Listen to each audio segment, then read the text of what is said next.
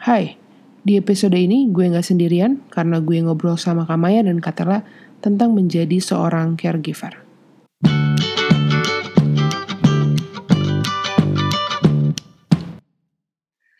Kenapa kita bahas caregiver sebenarnya berangkat dari ini tuh topik yang mungkin bisa dibilang menjadi keresahan banyak orang pertama-tama ini ide dari Katela yang tiba-tiba eh kita bahas caregiver kali ya. Tapi terus karena Katela ngomong kayak gitu aku jadi ingat bahwa di beberapa seminar itu uh, selalu ada satu orang yang tanya gimana ya caranya menghadapi uh, teman kita yang sedang dalam kondisi mental health yang sedang tidak baik dan posisinya di sini gue sebagai caregivernya, sebagai orang yang membantu teman gue gitu. Apa yang harus dilakuin?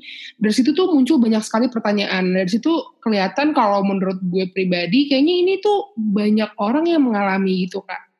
Makanya kenapa kayaknya menarik untuk dibahas gitu. Uh, Oke, okay. nah kalau menurut Dea sendiri caregiver tuh apa sih? Uh, caregiver. Kalau misalkan dari kata-katanya mungkin gue coba mendefinisikan menurut bahasa gue ya kak. Kayaknya itu ya. uh, kondisi di mana seseorang itu membantu orang lain dalam dalam konteks ini yang membantu dia uh, untuk survive gitu kali ya biasanya. Untuk hmm. bertahan hmm. di dalam hmm. kondisi apa pun kondisinya gitu. Dan uh, mungkin kalau caregiver tuh dari namanya tuh kesannya jauh lebih punya tanggung jawab, maksudnya lebih melekat, lebih dekat dengan si yang dibantu, beda sama kalau sekedar cuma curhat-curhatan aja nih. Kalau caregiver tuh kayaknya lebih kita make sure dia nggak kenapa-napa dan tetap kayak menyemangati dan sebagainya gitu. Kalau menurut hmm. Kamaya gimana? Waduh, dibalikin ya? Iya dong. Kalau menurut aku pribadi sih sebenarnya um, ini based on yang aku tahu juga caregiver itu adalah seseorang yang um, merawat orang lain. Hmm. Merawat dalam arti misalkan mungkin dia uh, orang tua yang merawat anaknya atau mungkin juga um, kayak perawat yang merawat uh, pasien atau mungkin perawat yang ada di panti jompo seperti ya. itu atau mungkin juga um, ibu atau bapak yang ada di panti asuhan seperti itu. Jadi memang uh, mungkin bisa juga sama, uh, sama kayak yang dia jelasin. Uh, mungkin ada juga teman-teman yang menjadi caregiver bagi temannya yang lain kayak gitu. Yes. Nah kalau dari Castella apa nih kak? Sebenarnya kalau dari aku pribadi awalnya yang aku tahu tentang caregiver itu adalah orang yang uh, res, bukan responsible sih, uh, putting their apa ya jadi gini, kalau yang aku tahu sebelumnya itu lebih ke mental health. Jadi korelasinya si caregiver itu sama sesuatu yang berhubungan sama mental health. Jadi ketika ada orang nyebut caregiver, berarti orang itu tuh uh, taking care of others mental health gitu. Oh. Misalnya aku taking hmm. care sama mental healthnya Maya gitu ya. Uh, misalnya Maya dalam suatu mental mental stage tertentu, terus yang memang tidak tidak dalam kondisi yang baik gitu ya uh, under normal misalnya. Nah terus di situ ada ada ada seseorang nih yang bantu Maya buat uh, buat support Maya setidaknya nggak makin turun gitu. Itu itu uh, awalnya aku taunya kayak gitu si caregiver hmm. awalnya. Tapi by the time belakangan aku baru tahu ternyata caregiver itu justru istilah yang biasa digunakan seperti yang tadi Maya jelasin bahwa uh, ketika ada ada ada orang sakit misalnya atau uh, orang di panti jompo. Nah, itulah baru yang uh, terus ada yang jagain, ada yang ngerawat. Nah, itulah caregiver yang sebenarnya itu yang yang baru aku tahu setelahnya gitu. Tapi di awal aku justru tahunya caregiver itu orang-orang yang uh, putting their needs before their their apa ya namanya. Jadi kayak misalnya aku lagi lagi sama Maya nih, lagi aku lagi aku jadi caregiver Maya. Ya buat aku justru Maya yang ada di atas kepentingan aku. Hmm. Itu yang aku tahu tentang hmm. si caregiver itu sendiri pada awalnya kayak gitu. Tapi kalau secara secara harafiah itu sebenarnya gimana? Buat aku pribadi ya, kalau aku jadi uh, jadi jadiin satu dua dua dua pengertian itu dari yang aku tahu, intinya adalah caregiver adalah orang yang ngasih bukan ngasih sih orang yang yang ngerawat gitu tapi dalam segala konteks ada yang konteksnya hmm. ngomongin tentang mental health tapi mm tidaknya ngomongin tentang proses perawatan sesuatu seseorang gitu. Iya, iya. Oke. Nah, kalau gitu berarti tadi kan sebenarnya um, dari Dea sama Castella sendiri um, mengatakan bahwa pernah ataupun mungkin saat ini sedang hmm. um, menjadi seorang caregiver. Hmm. Nah, boleh diceritain nggak um, pengalamannya gimana, rasanya apa sih menjadi seorang caregiver ini? Aku udah menjadi seorang caregiver yang serius, anjay. Enggak, enggak, enggak, bukan menjadi seorang caregiver. Professional caregiver. Enggak, enggak, enggak. Aku dari kecil, dari SD, itu udah biasa dengerin orang curhat.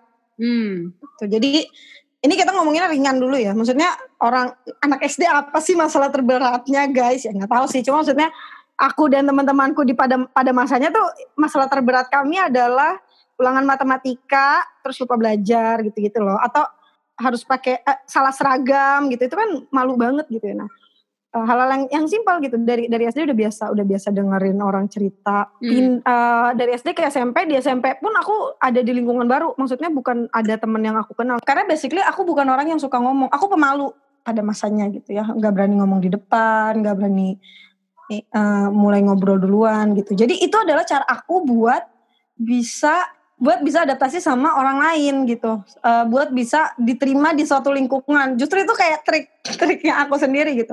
Hmm. Dan itu ternyata uh, dan aku nggak merasa kesulitan dengan itu karena aku suka dengerin orang intinya gitu. Tapi kalau ngomongin pengalaman ada banyak banget karena dari SD ya kalau ngomongin tentang uh, being a caregiver for someone gitu. Tapi kalau yang serius banget maksudnya serius banget tuh um, sebenarnya bukan berarti yang lainnya nggak serius tapi kan ada caregiver yang memang yang kalau tadi di, di, di kita bahas di awal gitu ya caregiver adalah orang yang ngerawat bla bla. Berarti kan itu proses yang ber berkesinambungan atau panjang gitu kan. Bukan cuma satu kali Maya curhat curhat terus udah kelar gitu. Tapi uh, ada ada proses di mana aku harus follow up. Aku harus make sure bahwa orang ini dalam kondisi yang baik-baik aja. Dan itu mulai dari aku sekitar kuliah sih sebenarnya yang sampai ada di tahap itu gitu. Kalau di SMA tuh cuma yang ya udah dengerin orang curhat, kasih feedback, nanti dia datang lagi dengan permasalahan berbeda dengan orang yang sama, nanti kasih feedback lagi gitu. Hmm. Tapi tujuanku adalah mendengarkan gitu dari SMA. Tapi pas kuliah, aku menjadi pertama kali banget itu caregiver buat my little sister gitu. Hmm. Terus se sejauh ini sih ada beberapa tapi itu pertama kali banget aku ngerasain atau mungkin itu banget yang paling aku ingat ya karena itu mungkin orang terdekat. Selanjutnya ada yang lagi belakangan ini berasa itu karena mungkin udah dunia kerja, ini dunianya baru, ini kayak masih masa transisi buat kami gitu ya, buat Maya, buat aku, buat teman-teman yang udah mulai masuk dunia kerja. Ketika masuk dunia baru kan pasti kayak kita adaptasi lagi. Apalagi dunia kerja kan beda gitu sama dunia dunia dunia pendidikan gitu kan. Udah ada banyak faktor yang nggak pernah kita temui gitu. Jadi kayak kita mulai dari nol lagi dan beberapa orang di sekitarku mungkin belum cukup siap gitu sama proses ini gitu. Bukan berarti aku siap ya enggak, cuma maksudnya ada orang-orang yang kayaknya akan lebih baik kalau ditemenin gitu kan. Nah itu jadi ada beberapa orang juga yang sejauh ini aku yang um, ya just make sure sih uh, that they're okay gitu. Aku beberapa kali tanya. Intinya gitu sih prosesnya ketika aku jadi caregiver bedanya aku dengerin curhat sama aku jadi caregiver adalah ketika orang ter tertentu aku harus aku yakin bahwa ada orang ter, bukan aku yakin. Aku lihat ada orang tertentu ketika curhat itu kondisinya misalnya stabilnya eh, 100 low-nya 50 nah kalau udah di bawah 50 tuh aku udah mulai wah ini harus di maintain nih harus di, ditemenin ya please atau hmm. kalaupun gak ditemenin ya di update aja gitu beberapa beberapa hari beberapa minggu. Gitu sih Iya iya iya. Menarik menarik. Jadi kalau misalnya dari ceritanya Katela, menurut gue yang yang menarik adalah ketika kita seolah-olah punya tanggung jawab atas kondisi mental orang lain, tapi sebenarnya kita nggak dapat feedback apa pun dalam segi material ataupun sesuatu yang menguntungkan secara ya paham lah ya maksud aku. Tapi mungkin hmm, betul. mungkin uh, lebih kepada seneng nih bisa membantu orang lain atau karena mereka adalah orang yang kita sayang, jadi rasanya emang ada kewajiban untuk menjaga sesama orang yang kita sayang gitu ya gak sih? Iya banget. Iya, ya. kalau dari Kak Maya sendiri, pengalamannya oh, oh. gimana tuh Kak? Iya, um, kalau dari aku, uh, aku ngerasa kayaknya aku belum mengkategorikan diri aku itu sendiri sebagai seorang caregiver gitu. Sampai saat ini, walaupun ada memang beberapa suka beberapa temanku suka ngobrol, suka curhat ke aku juga dan maksudnya memang ada beberapa orang juga yang uh, sampai saat ini masih suka aku tanyain juga kabarnya gimana karena aku tahu beberapa hal tentang dia gitu. Dalam artian kayak sudah mengganggu mentalnya. Tapi dari situ bersyukur juga sih maksudnya teman-temanku ini pada akhirnya bisa menjalani hari mereka sendiri gitu. Jadi kalau misalkan ini uh, kalau misalkan aku lihat dalam konteksnya untuk jadi teman curhat gitu ya kalau aku sendiri aku kayaknya masih mengkategorikan diriku sebagai teman curhat. Dan aku pada akhirnya kayak membiarkan teman aku ini juga develop dirinya sendiri gitu. Jadi bukan yang kayak maksudnya uh, tapi yang masih sesekali ditanyain gitu. Tapi bukan seorang caregiver karena kalau menurut aku kalau seorang caregiver itu yang benar-benar apa ya benar-benar ngerawat terus benar-benar masuk ke dalam kehidupannya dia juga gitu dalam arti kayak kita tahu banget nih dia lagi ngapain lagi gimana apa yang mesti kita bantu harus harus ngapain kitanya yang kayak gitu-gitu. Ya. Jadi aku uh, aku sendiri pun belum merasa aku sebagai seorang caregiver gitu. Hmm, jadi lebih ke teman-teman apa lo nganggapnya lebih ke jadi teman curhat eh, teman-teman lo aja gitu dan berusaha iya. sebagai sahabat gitu ya kak? Iya betul ya. karena belum belum sampai sedip itu kalau menurut aku ya. Iya iya. Ya. Kalau dari ya, gitu. gue pribadi sambil kalian cerita sambil hmm, aku recall lagi pengalaman-pengalaman sama orang-orang lain gitu. Sejauh ini aku menjadi tempat cerita buat teman-temanku, aku ngerasa gimana ya? Aku setuju sama Kamaya kalau caregiver itu yang ada di kepala aku ya. Kalau mendengar dari cerita teman-temanku yang jadi caregiver itu lebih yang kayak bener-bener bahkan dia berteman dengan temannya temannya untuk saling berembuk dan ngomongin gimana nih? Bisa nggak lo yang ke kosannya? Bisa nggak lo yang temenin dulu? Gue lagi burn out banget. Dan itu pun bahkan disaranin ketika aku ikut seminar itu disaranin banget tuh kalau kita mau jadi caregiver teman kita yang lagi secara mental sedang tidak baik kita harus membuat satu teman satu supporting system bareng yang mau ngebantu dia gitu kan. Nah aku belum belum pernah sampai di tahap itu Cuman aku setuju sama Kamaya, aku lebih ke arah, aku tahu temenku punya satu isu atau masalah dalam hidupnya, aku berusaha hmm. jadi teman ceritanya. Aku tahu misalkan dia sedang dalam kondisi paling drop di dalam hidupnya dia. Dan biasanya teman-teman aku yang kayak gitu tuh mereka nggak mau di reach out. Mereka bener-bener tidak terbuka untuk bercerita kalau yang udah parah banget jadi tugas aku di sana adalah nggak tahu ya ini caregiver atau enggak, tapi tugas aku lebih kepada aku ngechat dia kayak lagi ngapain lo gini gini gini untuk chatting aja gitu. Dan bahkan aku sempat ada di tahap dia juga menolak untuk udah jangan ganggu gue dulu deh gitu. Dan di tahap yang kayak gitu yang aku lakuin adalah aku tiap hari ini aku lakuin sampai sekarang ke teman-teman aku yang aku pikir kondisinya lagi nggak baik. Tiap hari tuh aku pasti ngecek Twitter, Instagramnya, sama media sosial yang biasa dia posting. Tujuannya aku cuma pengen tahu hari itu dia ada posting sesuatu atau enggak ada retweet sesuatu atau enggak atau ada like sesuatu atau enggak untuk make sure dia masih hidup. Karena hmm. kalau misalkan aku nggak bisa maksa dia nih untuk dia cerita segala macam susah.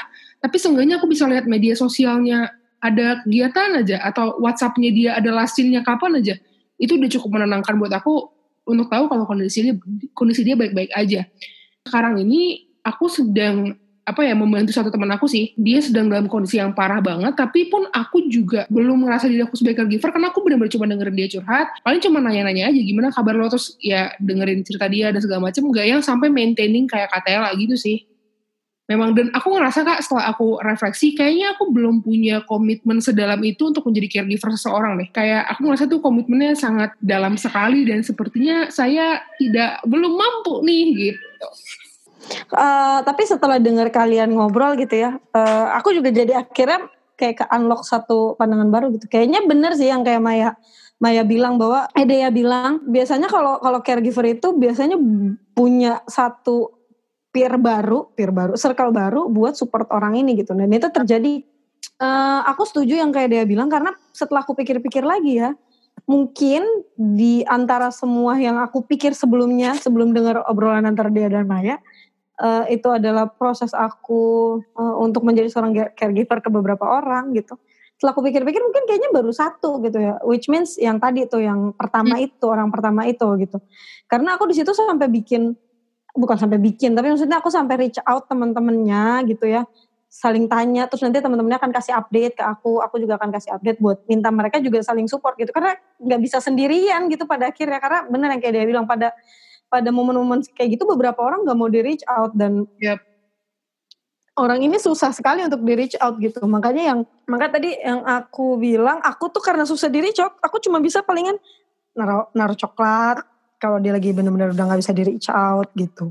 Atau misalnya share apa gitu di di di Instagram tapi yang aku tahu ini aman gitu bukan yang terlalu mendikte menggurui mencawaramahi gitu gitu tapi kayaknya mungkin kalau dari uh, yang aku dengar antara Maya dan Dea gitu kayaknya mungkin dari semuanya aku I can say aku baru satu kali ya yang yang hmm. bisa aku bilang aku maintain bener-bener sampai terjun nyelam langsung ke kehidupan orangnya gitu dan hmm kalau dari yang dia bilang ngomongin tentang mungkin aku belum punya komitmen segitunya gitu ya nah mungkin uh, gitu juga dengan aku kali ya makanya hal ini cuma terjadi baru sekali karena ya ini orang sangat sangat sangat dekat gitu. Yang kalau dia kenapa-napa gue yang akan berantakan sendiri gitu ibaratnya. Jadi selama gue masih cukup steady atau masih cukup punya kapasitas atau udah kepenuhan tapi masih gue bisa paksain I will do it gitu for her gitu. Oke. Okay Nah, um, sebenarnya ini sih pengen tahu sih apa sih rasanya gitu?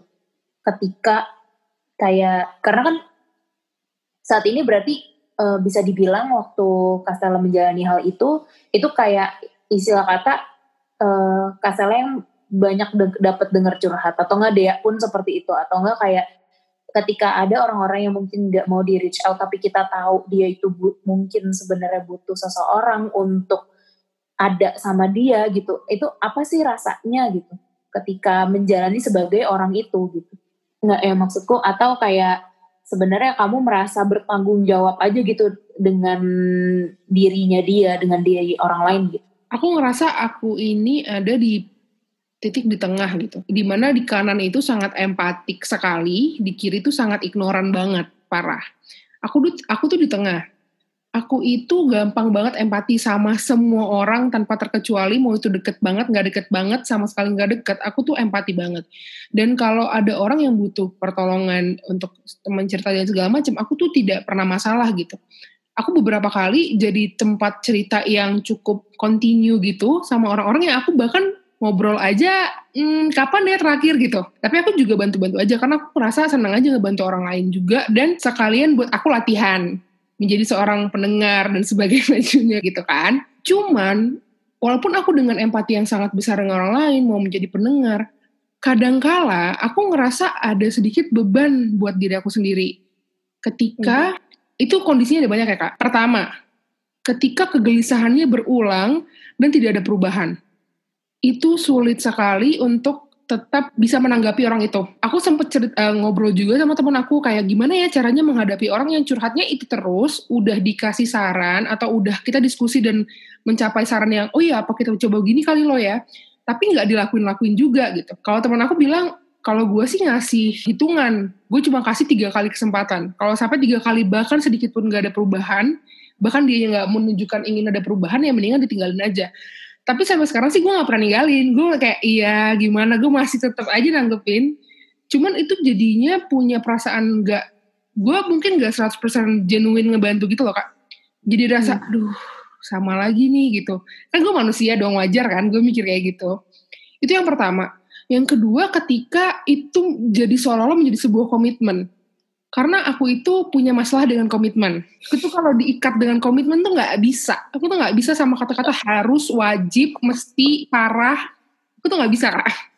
Jadi anaknya harus dibiarkan untuk ya udah aku jalan sesuai dengan empati aku aja. Nah ketika itu kondisinya jadi kayak mengikat, itu at some point jadi kayak jatuhnya yang tadinya empati dan pengen bantu jadi kayak duh harus bantu atau enggak bukan duh harus bantu sih tapi lebih kepada duh beban moralnya lebih besar nih kalau gue nggak ngebales chat dia cepet-cepet. Lebih ke arah sana sih. Hmm. di mana sebelumnya balas cepet tuh karena emang oh ya gue emang pengen bantu dia tapi terus lama-lama jadi kayak duh gitu. Tapi terus balik lagi kepada kalau kata Usi oh kata Katela urgensi orang itu kan.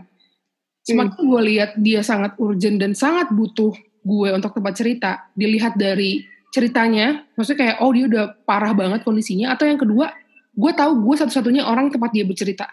Kalau dia masih punya orang lain mungkin gue masih agak bisa itu masih bisa agak mundur dikit lah kalau misalkan gue lagi dalam keadaan yang gak well untuk nge, nge, apa ya ngebales dia gitu. Tapi kalau misalkan gue satu-satunya temen dia cerita dia bener-bener bergantung sama gue ya gue akan berusaha sekuatan agak aja gitu untuk untuk menanggapi dia gitu. Tapi gue merasakan ada beban sih kalau di gue gitu. Uh, tapi mungkin ini kali ya, maksudnya beban yang memang uh, kamu pun senang untuk menjalaninya gitu. Iya. Yep. Dan dan mungkin mungkin dari cerita kamu itu mungkin sesekali ya kita sebagai uh, kamu sebagai tempat curhat butuh juga untuk mengambil waktu secara pribadi revealing maksudnya apa sih istilahnya? Istilah kata kalau misalnya ada orang curhat gitu ya, kita punya gelas nih, kita gelasnya. Terus abis itu gelas kita kalau ada orang yang curhat diisi diisi terus. Yep. Itu kan kadang-kadang mesti kita buang gitu dulu, buang airnya dulu nih nah. Mungkin at some point perlu ada masa buang air dulu kali gitu ya. Betul kak. Kalau dari Castella gimana kak? Buang air pipis. Wadah. Tapi lucu ya, analoginya Maya tuh kebalikan analogiku tuh Maya. Tadi tuh aku kalau ngasih contoh ke dia, ibaratnya kita tuh gelas penuh gitu. Nah ketika mm -hmm. ada orang curhat, gelas kita makin lama makin habis gitu. Karena energi kita tuh adalah airnya gitu. Nah kalau kamu justru ketika dapat gelas kamu kosong, itu adalah kondisi berarti uh, kamu fit 100% terus masuk energi negatif masukin. Kalau aku, apa tadi perasaannya ya? Atau gimana sih jatuhnya? Iya, perasaan. Hmm. Tadi sempat bilang sih sama dia, uh, perasaannya pasti sebenarnya kenapa aku jadi suka gitu untuk hmm, berusaha untuk be there for someone karena ketika aku bisa misalnya nih dia lagi cerita sama aku terus uh, aku bisa menanggapi sampai suatu titik di mana dia ngerasa ngerasa ngerasa lebih baik gitu setelah cerita. Itu tuh apa ya nggak ternilai gitu perasaannya kayak I feel so precious. Kayak jadi ngerasa berharga banget gitu. Terus jadi ngerasa bermanfaat banget buat orang lain. Dan itu kayak perasaan yang aku nggak bisa temuin dari kegiatan lain gitu. Makanya I, I like to do it uh, over and over again gitu tapi kayak yang tadi udah Dea dan Maya bahas bahwa ya itu kan ibaratnya good side-nya ya. Seneng gitu ketika kita dipercaya sama orang. Karena aku setuju banget sama dia sering kan ngomong tuh gue tuh selalu bilang makasih sama orang yang cerita sama gue karena buat gue ketika mereka cerita artinya mereka percaya sama gue gitu. Itu bukan hal yang mudah. Gue setuju buat buat orang cerita ke kita atau ke orang lain aja deh nggak harus ke gue gitu. Itu tuh butuh usaha yang besar gitu. Nggak semua orang bisa semudah itu untuk cerita. Dan kalaupun memang orangnya tipe tipikal gampang cerita pun tetap butuh energi gitu untuk cerita. Apalagi cerita hal-hal yang kurang menyenangkan gitu kan. Jadi pertama pasti pasti seneng punya dipercaya sama orang lain buat uh, diceritain gitu. Terus juga setelah cerita mereka bisa ngerasa lebih baik itu kayak itu gue udah gak bisa gambarin deh. Itu rasanya senengnya setengah mati gitu seneng yang lebih ke arah nilai diri gitu ya. Ngerti sih? Value value kita tuh jadi nggak tahu aku nggak bisa describe gitu. Pokoknya jadi ngerasa bermanfaat segala macam. Tapi ya ada momen-momen di mana yang kayak tadi dia cerita ceritanya berulang nih tapi nggak ada perubahan gitu. Terus juga aku tuh selalu bilang lu punya kalau orang cerita gitu ya. Dan aku tahu wah ini orang nih harus dikasih sedikit sentilan gitu. Aku biasanya akan sentil dengan cara kalau temennya dia gue cuma kasih waktu tiga kali gitu. Kalau aku biasanya akan akan kasih sentilan dengan ada dua hal yang yang uh, harus lu perhatikan satu sesuatu yang bisa lu kontrol dua sesuatu yang nggak bisa lu kontrol. Kalau memang sesuatu itu bisa lu kontrol, maka lu kontrol. Tapi kalau emang lu nggak bisa, ya udah nggak usah pusingin itu. Karena orang yang bengal atau bebal gitu deh ya, menanggapi sharing kamu tadi, mereka tuh fokus ke sesuatu yang nggak bisa mereka kontrol.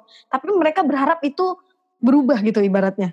Kayak berubah eh, berharap supaya Maya menjadi cowok ibaratnya gitu itu kan nggak bisa diubah kan kecuali ya memang Maya mau uh, operasi gitu kan. Gitu loh tapi uh, intinya gitu sih. Itu yang sulit. Yang sulit memang ketika ketemu kondisi-kondisi yang kayak tadi dia bilang uh, orangnya bebal nggak mau dikasih tahu berkali-kali.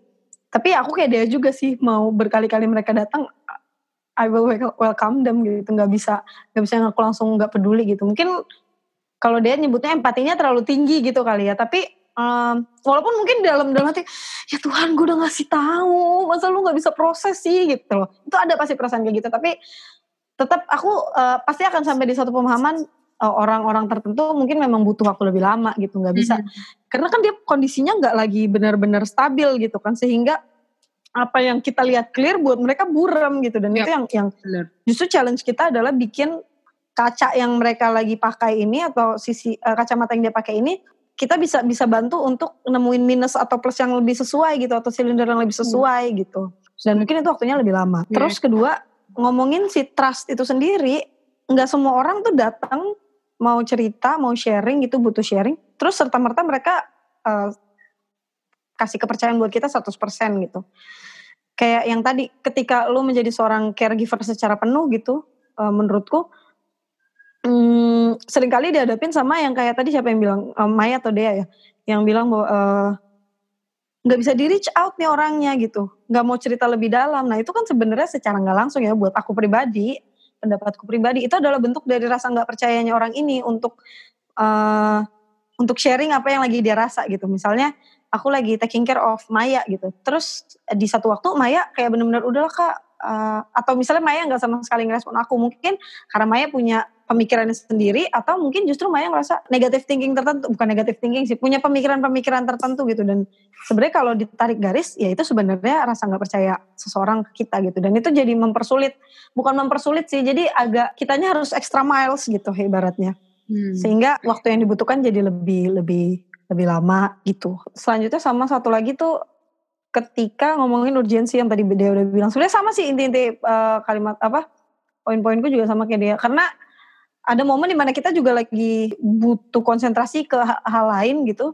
Konsentrasi kita harus penuh ke hal lain sehingga ketika aku ngobrol sama orang yang lagi aku jadi caregivernya orang tertentu akunya sedangkan lagi banyak hal yang harus di, di, diselesaikan gitu itu juga jadi challenge tersendiri gitu. Tapi itu balik lagi sih apa namanya pintar-pintarnya kita untuk memanage diri sendiri dan kapasitas kita dan mengenali kapasitas kita. Gitu aku mau nambahin eh bukan nambahin sih cuma ini mungkin sudut pandangnya agak berbeda dari Katela tentang kenapa orang nggak ada beberapa orang yang kok sulit sekali ya untuk di reach out. Di mana kalau menurut Katela, kalau dilihat dari mundur lagi, mungkin karena nggak ada rasa percaya gitu kan. Iya bisa jadi untuk sebagian orang mungkin karena udah nggak ada rasa percaya atau tiba-tiba dari awal nggak ada rasa percaya jadinya nggak ada keikhlasan untuk cerita gitu kan ke temannya. Tapi kalau dari selama ini yang aku lihat, yang aku alami, yang aku tahu juga orang itu nggak nggak mau di reach out atau tidak mau dicerita tuh ada ada banyak kan alasannya. Salah satunya ada tipe orang yang emang kalau sedang dalam kondisi yang parah, mereka tuh memilih untuk sendiri dulu. Jadi mereka memilih untuk gue diem dulu deh, refleksi dulu, gue kenapa, kalau misalkan gue udah better, baru gue akan cerita ke teman gue. Ada tipe orang yang gue gak mau jadiin teman gue tempat sampah. Karena itu dia memilih untuk selesaiin dulu permasalahan sendiri, baru nanti dia datang ke kita dalam kondisi yang jauh lebih baik. Terus yang terakhir, emang selama ini sih yang kalau yang gue tahu ya kak orang-orang yang dalam kondisi down stres depresi dan segala macam mereka tuh memang kebanyakan menutup diri dan tidak mau untuk di reach out gitu kebanyakan itu makanya agree iya kan makanya mungkin beberapa kalau dulu waktu masih gue kuliah gue inget banget kayak susah banget nih untuk bawa orang-orang kayak gini misalkan datang ke konseling atau ke psikolog karena bisa mereka menutup diri diem di kamar nggak mau membuka diri. Jangankan cerita untuk untuk bisa uh, apa namanya terbuka dengan kondisinya sedikit aja gitu itu aja susah gitu. Jadi menurut aku tidak selamanya tentang bahwa orang itu nggak percaya sama kita gitu menambah juga uh, ada orang yang memang dia sesimpel nggak gampang cerita nggak kayak dia mau ngomong aja susah gitu yep. padahal kayak maksudnya sebenarnya kayak kita udah membuka diri, kita udah kayak nggak apa-apa ngomong aja, cerita aja gitu. Tapi dia sesimpel karena mungkin juga mungkin pada saat itu kayak dia lagi capek, eh, maksudnya lagi stres atau gimana. Hmm. Tapi kayak mau ngobrol tapi kayak gimana cara gue ungkapin. Nah itu loh kayak dia dia tuh kayak ada orang-orang yang masih sulit untuk mengungkapkan dirinya dia sendiri gitu. Makanya dia memilih untuk diam di satu sisi kayak hmm. gitu ada orang-orang yang kayak gitu gitu dan um, apa namanya kalau dengar dari cerita Castella dan dia juga gitu ya aku pun sebenarnya merasa kayak aku juga ada kesenangan tersendiri ya melihat progres dari kayak maksudnya teman-teman yang sempat kita terus kayak dia juga kita masih maksudnya suka ngobrol gimana keadaannya kayak gimana. Dan mengetahui bahwa keadaan mereka semakin membaik itu memang ada satu apa ya istilahnya kesenangan tersendiri gitu. Istilahnya kayak kayak aku bahagia ngeliat dia bahagia gitu. Yeah, yeah, yeah, yeah. karena kayak karena karena kayak maksudnya uh, di satu sisi kayak ya aku sedih ngelihat dia kayak gini gitu. Tapi kita kitanya mau coba untuk nge-reach out dia dianya juga susah ngungkapin isi hati dan pikirannya dia. Jadi bingung juga. Kadang aku pernah ada di posisi kayak aku bingung aku harus ngapain dengan uh, ada teman aku gitu. Harus hmm. gue apain ya gitu. Tapi justru di situ aku jadi belajar banget sih. Jadi belajar banget yang namanya kayak gimana cara menghadapi uh, orang gitu. Maksudnya dalam arti kayak misalnya ada yang cerita ke aku aku coba dengerin dulu dan segala macem terus um, gimana cara aku ngerespon dia gitu dan ngerespon orang beberapa orang ini kayak beda-beda gitu caranya. Ada yang ada yang emang perlu untuk di didengerin dan kayak oh oke okay, gimana ditanya-tanya dan segala macam sampai akhirnya dia bisa come up dengan solusinya dia sendiri. Ada yang ada juga yang uh, menurut aku perlu untuk ditekan. Tekan dalam arti kayak ya jangan kayak gitu itu tuh nggak bisa gini lah gitu. Dengan maksudnya karena kayak dengan kayak gitu aku ngeliat dia baru sadar gitu. Dia baru sadar ketika aku uh, coba untuk ngasih lihat fakta juga ya gitu. Jadi memang jadi kayak menurut aku uh, pun di situ akunya juga jadi mendapatkan sesuatu ketika aku mencoba untuk memberi diri untuk orang lain gitu.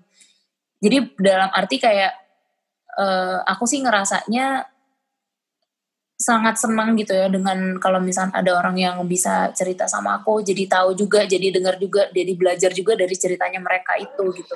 Dan hmm. gimana caranya uh, kita merespon orang-orang ini kayak gitu sih. Uh, selama ini kita mendengar dari posisi yang kayak orang-orang yang stres gitu ya tapi kayak jarang kita mendengar dari posisi orang-orang yang bisa memberi diri mereka untuk teman-teman mereka yang sedang membutuhkan gitu. Makanya mungkin juga ini yang jadi alasan kita untuk mengangkat topik ini gitu sih.